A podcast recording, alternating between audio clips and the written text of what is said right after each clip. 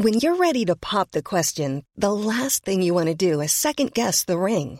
At Bluenile.com, you can design a one of a kind ring with the ease and convenience of shopping online. Choose your diamond and setting. When you find the one, you'll get it delivered right to your door. Go to Bluenile.com and use promo code LISTEN to get $50 off your purchase of $500 or more. That's code LISTEN at Bluenile.com for $50 off your purchase. Bluenile.com code LISTEN. Ever catch yourself eating the same flavorless dinner three days in a row? Dreaming of something better? Well, HelloFresh is your guilt free dream come true, baby. It's me, Gigi Palmer. Let's wake up those taste buds with hot, juicy pecan crusted chicken or garlic butter shrimp scampi. Mm. Hello Fresh. Stop dreaming of all the delicious possibilities and dig in at HelloFresh.com.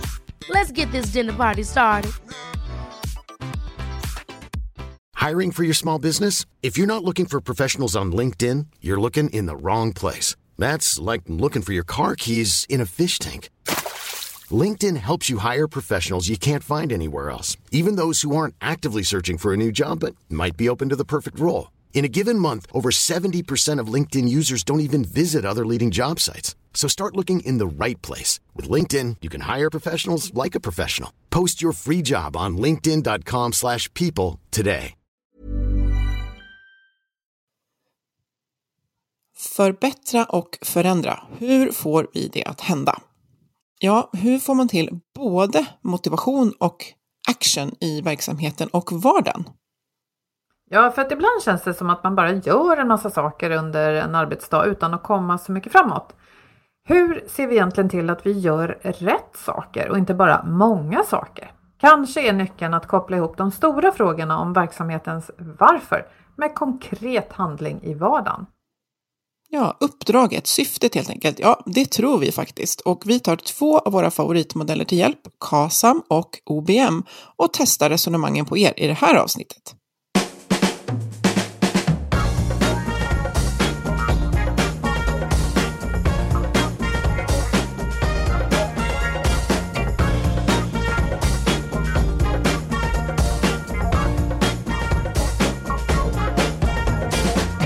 Du lyssnar på Health for Wealth. Det här är en podd om hälsa på jobbet.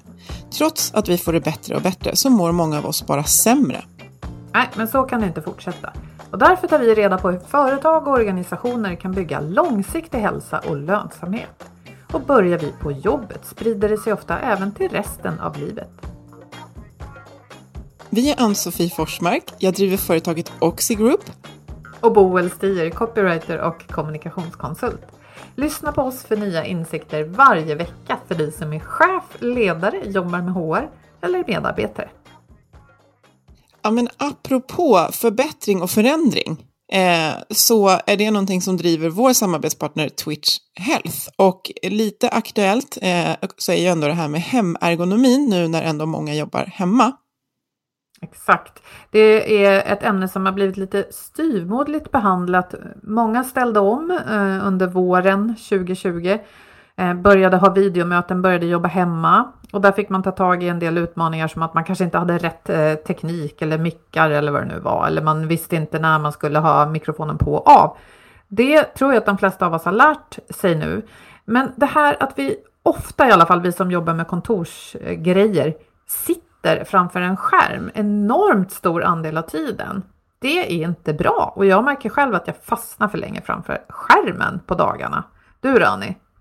Nej, men det är samma sak och det är inte så konstigt för att det är faktiskt där som arbetet sker. Så att man ska inte, eh, liksom, eh, vi ska inte kima här att vi, att vi är framför datorn, för det behöver vi. Men däremot så behöver vi förstå att vi behöver på något sätt systematiskt eh, bryta in med rörelser och vi, där kan vi definitivt ta hjälp av varandra, men också av, ja, som, som Twitch Health, att ta hjälp att systematiskt få till det här. För att det är ju eh, som sagt kanske någonting som, som inte sker av sig självt, för vi behöver vara vid eh, datorn. Och en av Twitch Healths kunder, Embark, som är ett spelutvecklingsbolag, eh, de var ganska snabba och agila på att eh, tänka till kring det här och eh, skapade någonting som de kallar för Modern Ergonomics, Physical and Dig Digital Durability, alltså fysisk och digital hållbarhet. Och vad gjorde de, Boel?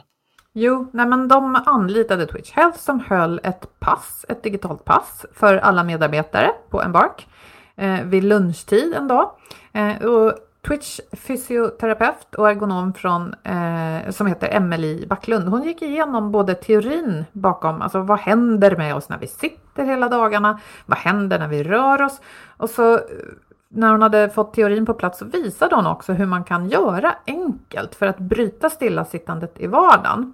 Och syftet här var att visa övningar som man skulle kunna göra utan att byta om, utan att ha några speciella redskap till hands och utan att behöva duscha efteråt för att få upp blodcirkulationen och bara ändra position regelbundet.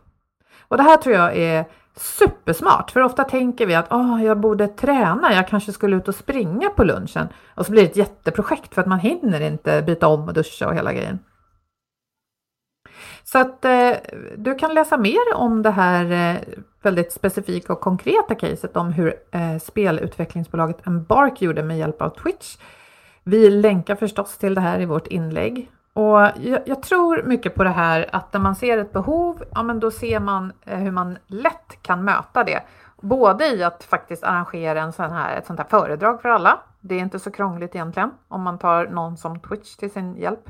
Och också det här att ja, men du måste inte alltid träna. Det kan handla om att bara ställa sig upp och, och liksom göra lite sköna rörelser under några minuter. Men att göra det ofta och göra det till en vana.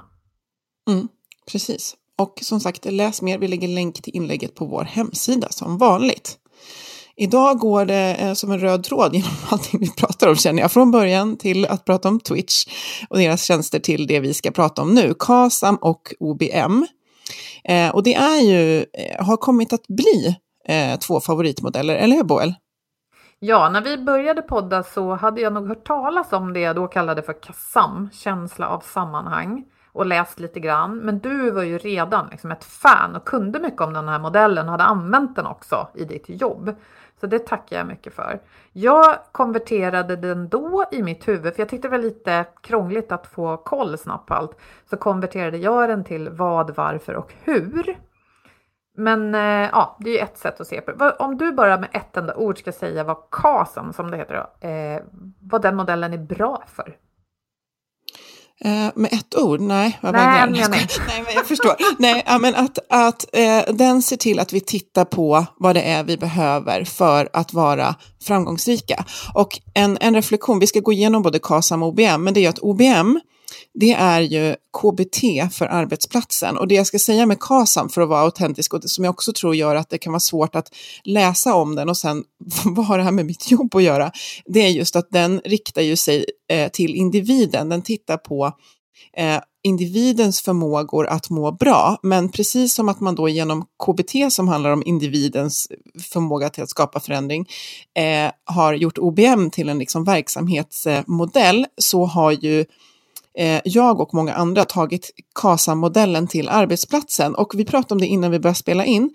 Det finns inte jättemycket eh, litteratur på, det finns mycket litteratur på OBM, eh, men det finns inte mycket litteratur på eh, hur KASAM faktiskt är en eh, arbetsplatsmodell. Men jag har ju sagt att du ska kunna ställa mig vars, alltså på en scen och så skulle tusen personer kunna få bomba frågor om verksamheten och jag skulle kunna förklara hur KASAM-resonemanget stöttar till att eh, hitta utmaningar och vända dem till liksom, fördelar. Men det är ju en salutogen modell som alltså handlar om att titta på vad som är friskt och fungerande och står för att känna meningsfullhet, begriplighet och hanterbarhet. Och det är ju här det ofta börjar bli fluffigt och lite konstigt för folk för att de går in i varandra och det gör de för de hänger ihop och man kan byta ut orden för det var ju det som du gjorde för att eh, få till det och du hade ju tre andra ord.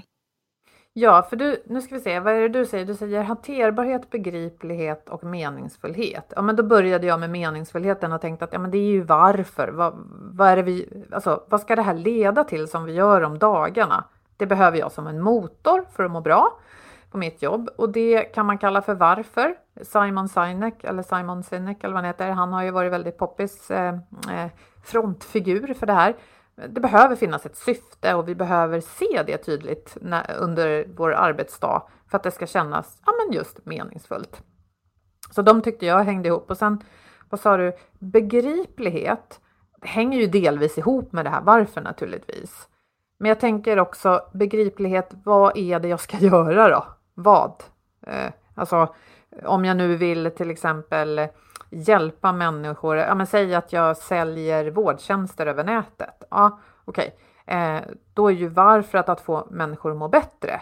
Här sitter jag med mina digitala resurser. Vad är det jag ska göra?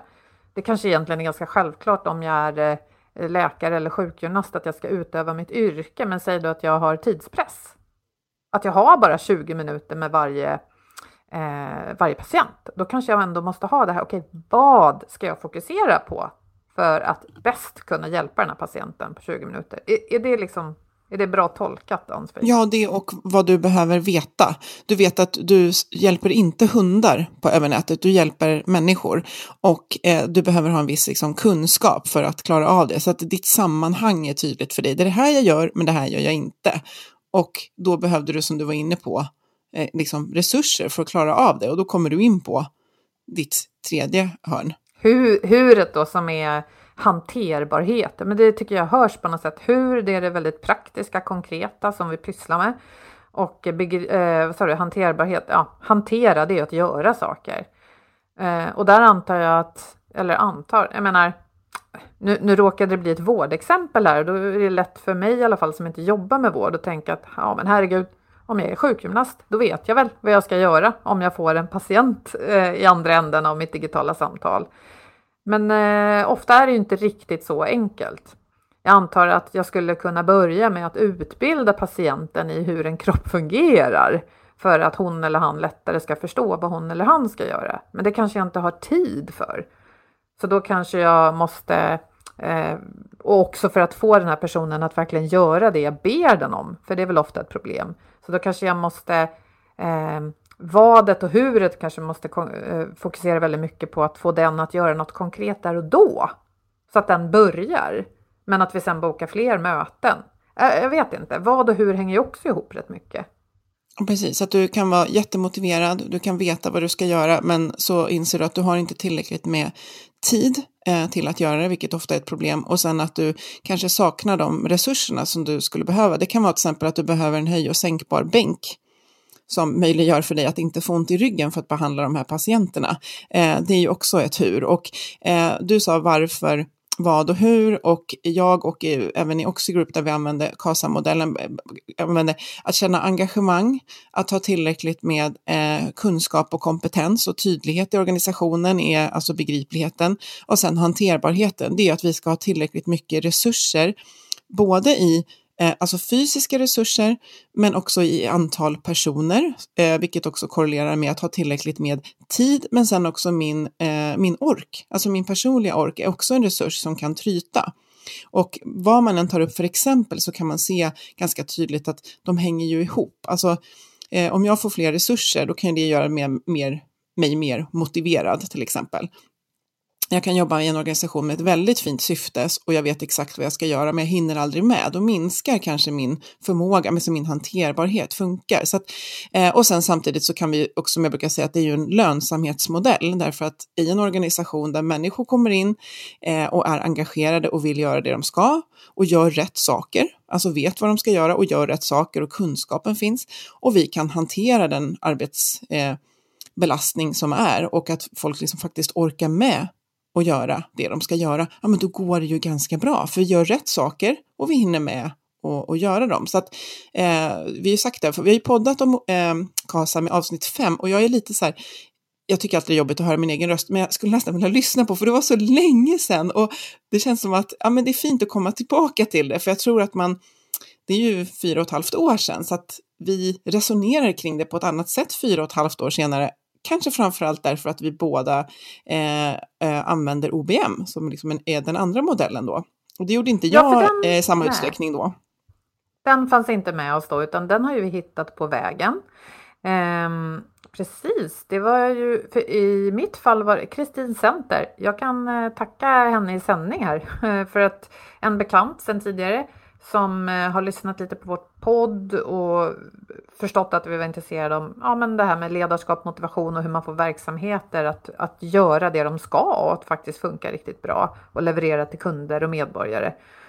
Så tipsade hon om just OBM och även OBM-boken av Leif Andersson vars författare vi då sen bjöd in till podden. Och det har vi ett avsnitt som jag inte minns numret på då, men eh, det kan vi Vi länkar till båda tycker jag. Ja. Mm. Men jag tänker jag ska bara pausa vid, vid, vid KASAM innan vi eh, hoppar in på OBM, bara just för att eh, om man tittar på vad en organisation behöver så lovar jag att man kan plotta in det i de här tre eh, hörnen. Att det, är det, det här är vad vi behöver för att vara en framgångsrik organisation. Och jag, blev, jag utbildar ju i ledarskap utifrån den här modellen och det funkar fantastiskt bra. Och jag älskar när jag blir utmanad, för en chef sa en gång väldigt tidigt in i sessionen, han sa så här, du, jag fattar inte vad det här har med ledarskapet att göra. Och då sa jag, jättebra, därför att det du gör som ledare, det är att hjälpa dina medarbetare att öka sitt KASAM, alltså öka antingen tydlighet, kompetens, kunskap. Öka hanterbarheten eh, genom att ge dem resurser eller hjälpa dem skapa resurser genom prioriteringar eller vad det kan vara. Och sen så sättet du leder på påverkar ju om vi känner engagemang. Om du ger feedback på när de anstränger sig, eh, har förändrat ett beteende, så ökar motivationen. Om du berättar att det här vi gjorde förra veckan, det har gjort att vi närmar oss det här, vi har hjälpt fler kunder. Så att vi hjälper varandra och våra medarbetare att öka sitt KASAM. Så därför är det en superstark ledarskapsmodell. Så att det är liksom KASAM förklarar vad och OBM förklarar hur vi kommer dit. Just det, och jag tänker också som vi inledde avsnittet med att kombinera det här stora vida perspektivet med varför, varför finns vi? Alltså vad är egentligen berättigandet för allt det här vi håller på med om dagarna? Att koppla dem, så kanske kan vara en ganska stor fråga för vissa, eh, syftet alltså, med de praktiska görandena i vardagen. Det är väl där också nyckeln är. Att vi inte å ena sidan då fastnar i ledningsrummet, att, att eh, ledarna bara pratar med någon fluffig powerpoint och aldrig liksom upprättar någon riktig kontakt eller förståelse för vad alla håller på med ute i verksamheten.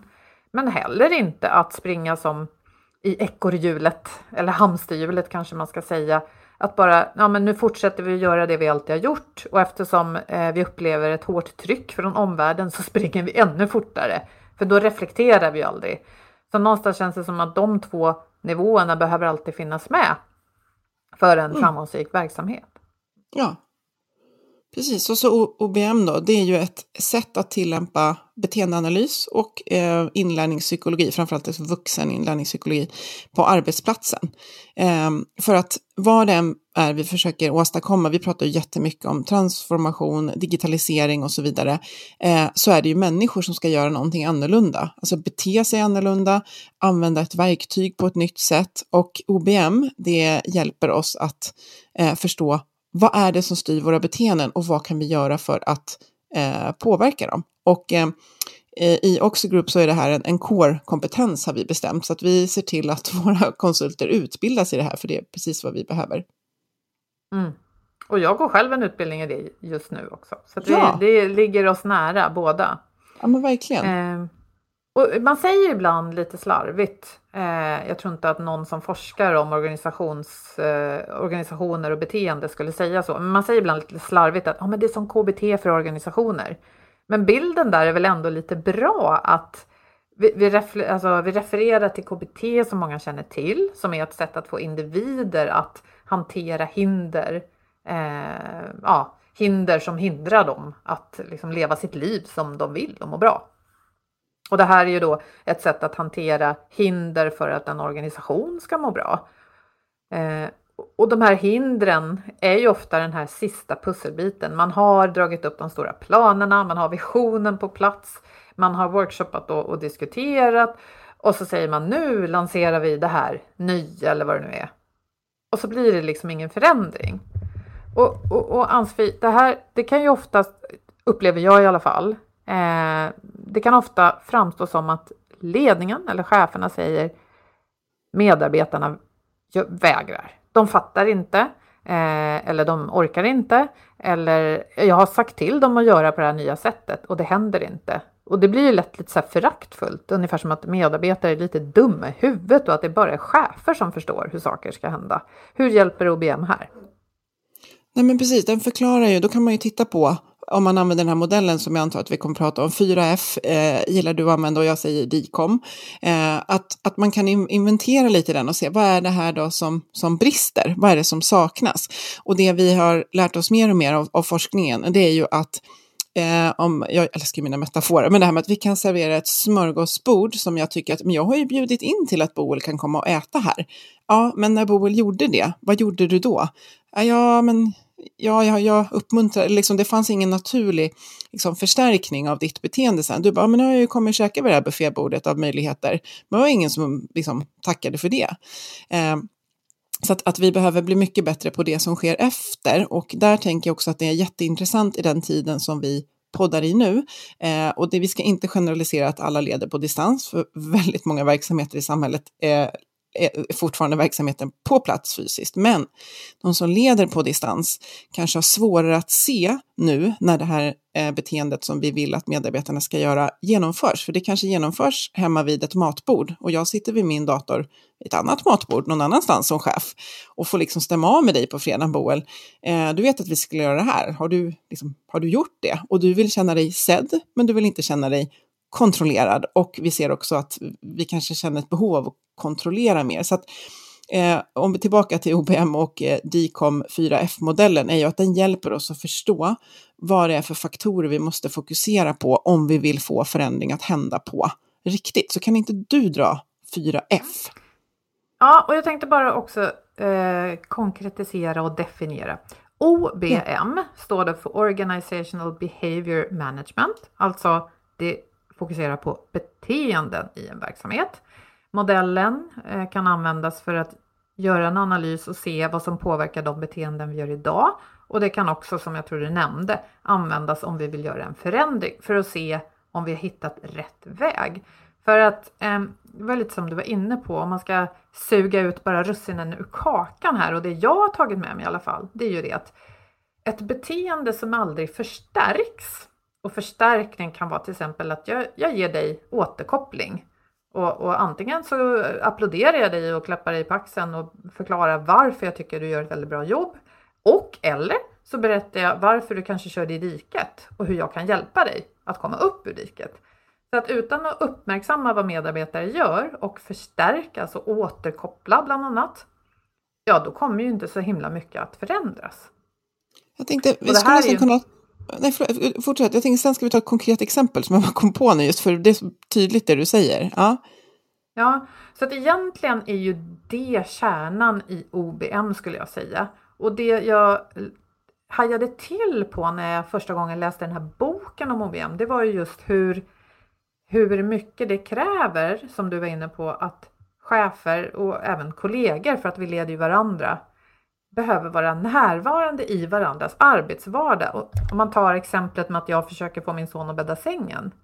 Om jag aldrig efterfrågar eller kollar om sängen är bäddad så kommer han troligen inte att bädda den. Eh, om jag bara skäller på honom för att han inte har bäddat sängen så kommer han att tycka att det är världens tråkigaste uppgift och att jag är världens sämsta mamma. Så att här är utmaningen. Jag skulle behöva, för att göra det här bra, och det gör jag inte ännu, jag skulle behöva kolla varje morgon om sängen är bäddad.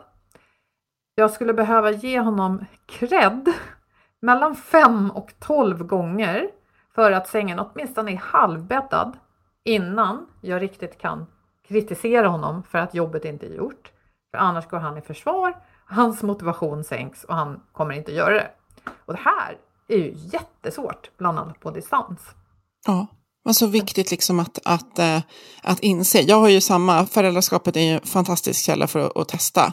Eh, jag har, liksom så här, note, note to self igår när vi har bestämt att du går från kompisen 16.30 för att vara hemma 16.45 och eh, det var nästan liksom Nobelfest då när hon kom in genom dörren 16.45 nu funkade det jättebra, du gick 16.30, du är hemma, det här, det här är helt fantastiskt, det här är perf- jättebra. Och hon bara okej, okay, yes. Jag bara, jag bara, I'm just practicing OBM. Men jag tänkte på exemplet med ett, ett beteende som förstärks, just att som du säger, vi tänker att vi pratar om att vi använder det för att förändra, men också för att inventera vilka beteenden är det som blir förstärkta i den här organisationen. För det förklarar ju varför saker och ting är som de är. Tänk, det här med mejlandet är ett klassiskt.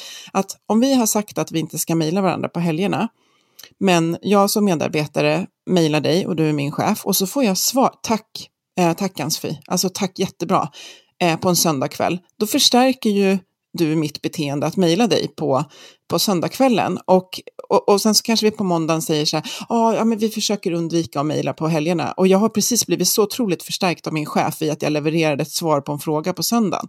Om du istället skulle svara så här, tack så jättemycket, men det här mejlet hade jag mycket hellre sett, eh, eller inte ens svarar och tar upp med mig på måndagen. Att jag fick ett mejl av dig igår och jag vet att vi har pratat om att vi ska inte mejla, alltså Eh, vi, det är det där, att inventera, vad är det för beteenden som förstärks här? För att vi kan säga att ja, men det är inte bra att göra si eller så, men så tittar vi på den direkta eh, bekräftelsen man får av det beteendet. Ja, men det går ju snabbare då när vi struntar i att göra X, Y, Z. alltså att där behöver vi gå in och jobba med en beteendeförändring.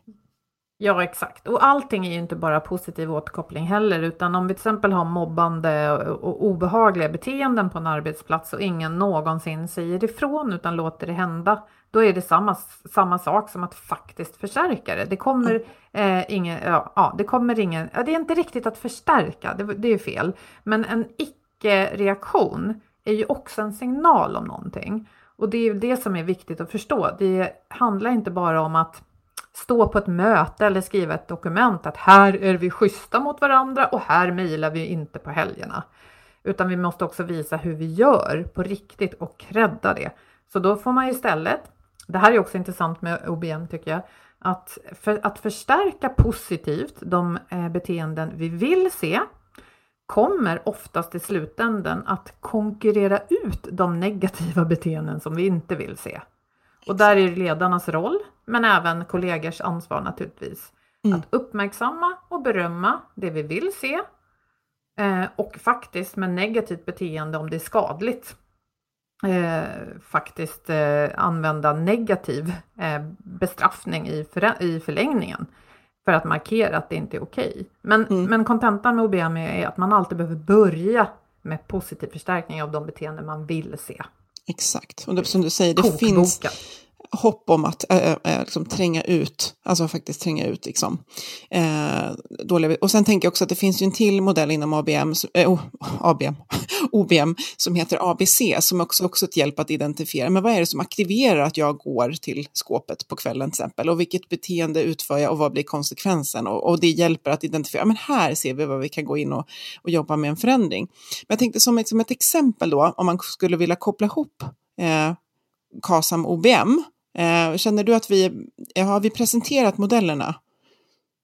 Eh, jag inte riktigt, jag tänker alla dessa förkortningar, vi kan stanna till vid dem ja. lite grann. För att eh, det här med förstärkning är viktigt för att förstå OBM, så jag tycker det var bra att vi slängde oss på det på en gång. Ja. Sen var du inne nu på något som heter ABC och det är eh, en del av beteendeanalysen. För att ja. om B där i mitten står för beteendet så finns det alltid ett A, någonting innan, det heter på det kan heta antecedent till exempel. Ja, någonting som föregår beteendet. Mm, aktiverar ja. Det är någonting som triggar det här beteendet och beteendet får också en konsekvens. Så att se ett konsekvensen, det var det vi pratade om alldeles eh, nyss när vi pratade om positiv förstärkning eller att faktiskt negativt bestraffa. Det finns lite olika, det finns en hel skala där, men att eh, det handlar ju om att konsekvenserna på våra beteenden bygger våra vanor och till slut lär vi oss att det är så här man gör här. Även av det som egentligen inte det talas om så mycket, utan att om chefen låter mobbaren fortsätta, då har vi lärt oss att det är så här man gör här. Exakt. Och för att kunna bryta det här måste man ju gå in och jobba med både konsekvenser och också så att vi lär oss eh, att trigga en annan typ av beteenden. Men, men då kan vi ju zooma ut, tänkte jag. Och du, du pratade innan om några andra förkortningar de fyra F till exempel, eller mm. DICOM på engelska. Det här är en del av OBM och man kan prata om dem på engelska eller svenska. DICOM då på engelska, vill du berätta vad de står för? Ja, D står för direction, alltså eh, direktion. Vilket håll kan man säga direktion? Eh, vilket håll ska vi åt? Alltså vad är det för någonting vi försöker uppnå här? Vad är det konkret beteendet eh, eh, det här ska leda till? Och Eh, C står för att ha kompetensen att utföra det. Jag måste ha kompetensen att utföra det. O står för opportunity, alltså det måste finnas möjlighet. Och det här jag vet, det här är lite samma som i KASAM, att man blandar, men vad är skillnaden? Ja men kompetensen är att jag vet hur jag ska göra, till exempel, eh, jag brukar ta en exemplet med brevbäraren. Jag vet att jag ska gå in i den här porten, Eh, och sen så eh, till exempel har eh, någon ändrat koden. Alltså då finns inte opportunity att komma in fast jag har liksom kompetensen. Nu kan man säga att koden är en kompetens också, men att möjligheten finns inte. Till exempel jag har kompetensen att veta hur man styr upp ett väldigt bra möte med agenda så alla får prata. Eh, men eftersom min chef eh, kör över agendan hela tiden för han eller hon har något viktigt de vill ta upp, så försvinner opportunity som ofta liksom är kan jag se i många fall, så här, kulturellt liksom, betingat. Eh, och sen M, det är ju, är det motiverat att göra det här beteendet? Eh, och det handlar ju mycket om vilka typer av konsekvenser som uppstår när jag utför det. Och det är självklart så att motiverat kan ju också handla om det som vi pratade om, att eh, finns det, alltså, blir jag uppmuntrad att göra det? Men vad händer också när jag har gjort det? Och det är där vi ser att vi behöver lägga ofta mycket mer krut. Och det här är ju 4F på svenska. Ja, precis. Och då heter det färdriktning, det här du var inne på med direction, vart ska vi? Och det är ju egentligen, tycker jag, då väldigt mycket varför. Alltså varför gör vi det här? Det ja. finns ett syfte med det. Eh, F nummer två är att ha eh, färdigheterna. Och det är ju samma som kompetensen. Att vi faktiskt har möjlighet, alltså vi har utbildning eh, och den, den eh, konkreta kunskapen i det vi ska göra. F nummer tre, det är ju förutsättningar. Samma sak som på engelska då, opportunity. Ja, men har jag inte nyckeln till det här rummet jag skulle städa så är det svårt att städa det även om jag vet precis hur jag ska göra. Och till slut, eh, det sista F, ja men det är ju förstärkning. För det är de här förstärkningarna som motiverar oss att gå eh, åt det ena eller andra hållet, att göra det ena eller andra beteendet. Jag tycker det är intressant att titta på de här fyra F eller DICOM, alltså bara den förkortningen ibland väldigt snabbt när eh, företag och ledare som jag jobbar med pratar om just förändringar eh, som kanske inte alltid händer. Att man har varit uppe på färdriktningen och pratat om varför man ska göra det. Man har i alla fall ofta kollat att eh, medarbetarna har färdigheter, men man har kanske inte riktigt funderat på om de har färdigheter i det här nya sammanhanget utan man tror att de ska översättas eh, helt automatiskt till ett nytt sammanhang. Eh, och förutsättningar brukar man tappa helt. Till exempel att eh, man vill att folk ska göra saker på ett nytt sätt, men det finns inte tid till det, till exempel. Så att medarbetarna undrar, jaha, när 17 ska jag göra det här då? Och då blir det enklast att bara fortsätta som vanligt. Och så är det ju svårt med förstärkningen om inte ledare befinner sig i vardagen där medarbetarna är. Nej, och vi, vi, ska inte, vi kommer inte gå in så mycket djupare på det idag, men det är också så att förstärkningen kommer i olika fall. Alltså en grej kan ju vara att jag testar att sitta på ett nytt sätt och bara gud vad skönt för ryggen det här var. Alltså det kommer naturliga förstärkningar eh, och de har olika liksom, tyngd, alla spelar roll och vi behöver olika typer av dem. Men det, det kan vi podda om en annan gång tycker jag och ta exempel om. Mm. Men du som är ute och jobbar med de här modellerna dagligen, Eh, vad skulle du säga nu, om man har lyssnat på det här, det är ju väldigt mycket bra modeller och man kan få mycket bra insikter av det. Men det kan också bli väldigt stort. Eh, vad skulle du säga att man ska börja? Man måste börja någonstans. Jag skulle säga att nästa, nästa möte.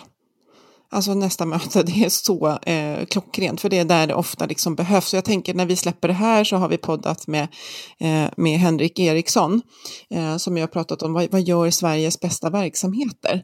Ja, de, eh, de har säkert stora förbättrings och förändringsresor, men det de framförallt gör är att de, de gör små förbättringar i vardagen som får väldigt stor effekt. Så att utifrån det så tycker jag för det första att man ska avsätta eh, tid till att ident alltså inventera organisationens KASAM eller kanske gruppens KASAM. Alltså vad är det jag vad är det vi i den här gruppen försöker göra? Varför är det viktigt? Vad är syftet med allting vi gör? Vilken typ av kompetens och kunskap behöver vi? Vilka roller har vi? Hur ska de vara tydliga gentemot varandra? Det finns mycket, det finns frågebatteri man kan skapa på KASAM. Och sen hanterbarheten. Alltså ser vi redan nu att vi är för få för att göra det vi mäktar med så kan ju det på ett sätt bara vara, ja, alltså det är inget att stressa upp sig över för det är precis som det är och då handlar det om att prioritera väldigt mycket. Eh, och sen vad är det som ökar min liksom, hanterbarhet? Så att man kan inventera sin egen KASAM och gruppens KASAM. Eh, men sen det här med att faktiskt liksom, testa en liten förbättring, då kan man ju ta eh, den här DICOM-modellen, kanske skriva ner den på ett papper eller 4F då och så kan man bara, eh, eller vad ska man säga, eh, Eh, följa nästa möte och se vad är det som händer. Eh, så här, finns det en tydlig färdriktning i det här mötet? Ja, det kanske det finns. Vi ska avhandla det här ämnet och diskutera det. Bra. Eh, finns liksom kunskapen om hur man driver ett bra möte när vi kanske sitter via Zoom eller vad det kan vara. Eh, och sen så, ja, det kanske finns de här två bitarna, men förutsättningarna finns inte, för det är någon som alltid tar över och pratar om andra grejer. Eh, och sen om vi skötte oss på mötet och höll agendan, är det någon som liksom, eh, hur känner vi att vi förstärker det? Eh, förstärker vi varandra och säger så här, vilket bra möte vi hade, eh, vad tar vi med oss från det här eller någonting? Så att man kan ju börja med någonting litet. Man kan också börja med någonting hemma vid om man har ett beteende som man tycker inte hjälper i det långa och bara inventera vad är det som får mig att göra det här beteendet? Vad är det som triggar det? Och vad är det för belöning jag får? Och var kan jag gå in och liksom trycka på en liten, eh, liten förändring? Så att inte rädas och tro att det är någonting som är väldigt stort, utan snarare så här, ta nästa möte eh, eller nästa liksom, grej som du vet att du ska, du ska genomföra någonting. Eh, du ska ja, jag ska sätta mig med en arbetsuppgift som, som är tråkig till exempel. Ja, men om jag hittar meningsfullheten i den, om jag hittar känslan av att veta exakt vad jag ska göra, så kanske hanterbarheten ökar. Det känns inte alls så motigt att göra den här uppgiften, bara jag ägnar några minuter åt att öka mitt KASAM för just den arbetsuppgiften. Så. Just det, och en gammal klassiker som vi ofta pratar om och som man ofta pratar om eh, när det är ledarskap till exempel är på tapeten, men som det sen inte alltid är lika lätt får hända i verkligheten, det är ju det här med att faktiskt återkoppla, feedbacka till varandra. Och att vi faktiskt behöver credda varandra minst fem gånger oftare än vi dissar varandra. Även om disset kan ju komma i en vänlig och schysst och utvecklande form som konstruktiv kritik.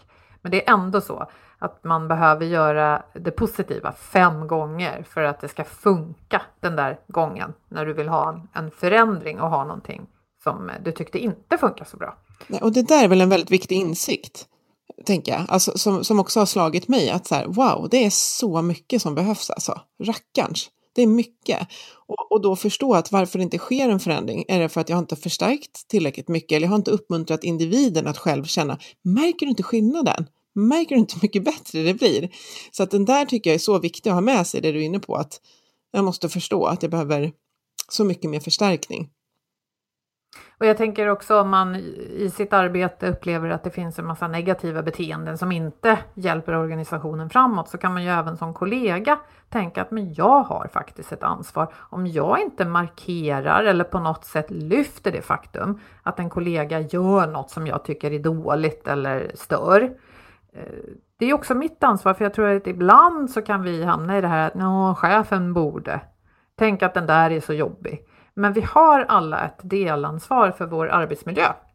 Eh, så att där kan man ju fundera på vad man själv kan göra. Eh, och även det här då att credda de kollegor som du tycker gör riktigt bra saker. Det gör ju att du lyfter fram det som du vill se. Och berömmer du det väldigt många gånger så kan du ge dig tusan på att det kommer att smitta så att någon som kanske inte gör det här beteendet kommer att vilja härma. För det är så härligt att bli sedd.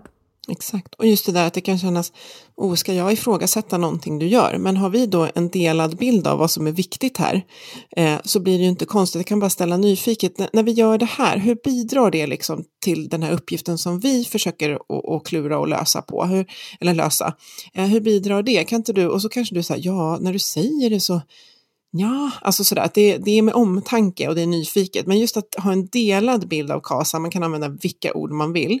Men så här, vårt varför, vad det är vi faktiskt ska göra och vad vi behöver för resurser. Det hjälper ju jättemycket att hjälpa varandra till rätt beteenden. Så, så att de, de, man får ta hjälp, man kan verkligen ta hjälp av de två. Och jag tänker också att om man har ett tydligt KASAM så hjälper det ju också att hitta motivationen till vissa beteendeförändringar, precis som vi var inne på nu. Så det, det, är så jag ser att de, de hänger ihop med varandra. Ja, precis. Därför att OBM-modellen lär oss att en ledare för att kunna leda behöver vara ganska nära medarbetaren och dessutom att vilken typ av förstärkning eh, och uppmuntra framförallt man vill ha, det är väldigt eh, individuellt. Eh, men det samtalet kan man ju ut, där kan man ju utnyttja KASAM-modellen för att ha en, en ram för samtalet. Så ifall man tycker att det är svårt. Så här, vad driver dig egentligen? Alltså, det är inte alltid så lätt att man bara ställer den frågan. Då kan man ju ta med sig KASAM-modellen och titta på, ah, okej, okay, eh, ja, vad, varför, hur då i mitt huvud? Och med dina ord, eh, begriplighet, hanterbarhet och meningsfullhet. Det kan underlätta. Mm. Och jag brukar faktiskt sällan använda just dem, utan jag, eh, meningsfullhet, alltså vårt driv, vårt varför, syfte, uppdrag. Eh, men sen i så här, ty, tydlighet och kompetens brukar jag ha i begriplighetshörnet och sen eh, resurser och ork. Och sen liksom, att vi pratar om vad är det vi gör som ökar de här eh, hos oss och vad är det vi skulle behöva göra mer av till exempel. Det är ju ett sätt att jobba med de här modellerna. Och vad är det vi behöver göra mer av? Ja, det kanske är det här. Okej, okay, och då kan vi ta hjälp av OBM för att förklara hur vi ska gå från A till B eh, i den förbättringen. Det är jättelätt att sitta och prata det här, om det här så här och så bara, nu är det bara ut och testa, men så är det. Ja men så är det lite grann. Det skulle vara kul tänker jag nu när vi pratar om det, att, att om du kanske har i någon powerpoint eller så, din hur du förklarar KASAM-triangeln där. Men som du sa, du kanske plottar in ord som tydlighet och sådär. Du kanske har någon sån bild som vi kan lägga i inlägget, för det blir ju ja. så mycket lättare att se det framför sig. Det har jag, det gör vi. Den bjussar ja. vi på. Ja. Mm. ja, och så gör vi en, en till sån här bild med de fyra F eller DICOM, så tror jag att det blir tydligare. Mm. Eh, hoppas att du som lyssnar har har fått något av det här. Jag tycker i alla fall att det här är en jätteintressant diskussion som man kan eh, man kan plocka upp egentligen när som helst för den går att koppla till det mesta vi pysslar med och framförallt det vi vill ska få eh, att hända i vardagen. Mm. Så det vore jättekul att höra från er. Har ni erfarenhet av just de här modellerna är det förstås kul, men känner ni igen er i de här hindren i vardagen? Att man planerar, man lägger strategier, men ingenting händer. Att man kanske missar att eh, förstärka de beteenden man vill se och man kanske missar att markera mot dem man inte vill se. Har du testat att positivt förstärka någonting och gav, vad gav det? Berätta gärna för oss. Ja, vi gärna höra. Och eh, vi lämnar er inte hängande här heller eftersom vi eh, alltid nu mer samarbetar med motivation.se och där finns det jättemycket att eh, läsa, tidlösa aktuella artiklar om allt från ledarskap till motivation. Eh, jag vet att jag har skrivit om, om KASAM där också, men idag så vill vi tipsa om en artikel som handlar om meningsfullhet, produktivitet, för det är också centralt i det här. Det hänger ihop med att eh, meningsfullhet och hanterbarhet hänger ihop. Och det är Einar Weman som har skrivit den och eh, han skriver också om regeln om tre. Och vad de här tre är, det får du veta om du läser artikeln och vi länkar till den. Den heter Den meningsfulla produktiviteten. Härligt! Vi tackar våra samarbetspartners Twitch, Health och Motivation.se och förstås Agda Media för den här produktionen. Följ oss gärna i sociala medier på LinkedIn, ge oss gärna en recension på iTunes och hör av er om ni har någonting att säga. Det vore kul. Så hörs vi om en vecka igen. Sköt om er. Hej då! Hej då!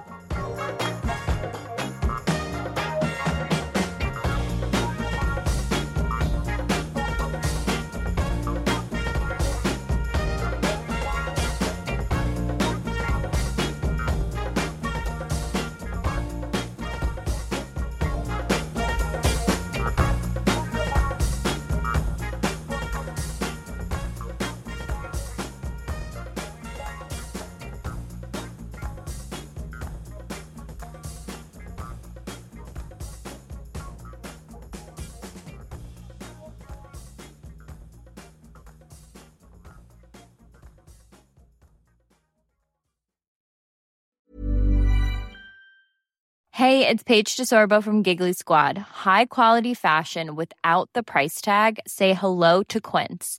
I'm snagging high-end essentials like cozy cashmere sweaters, sleek leather jackets, fine jewelry, and so much more. With Quince being 50 to 80% less than similar brands.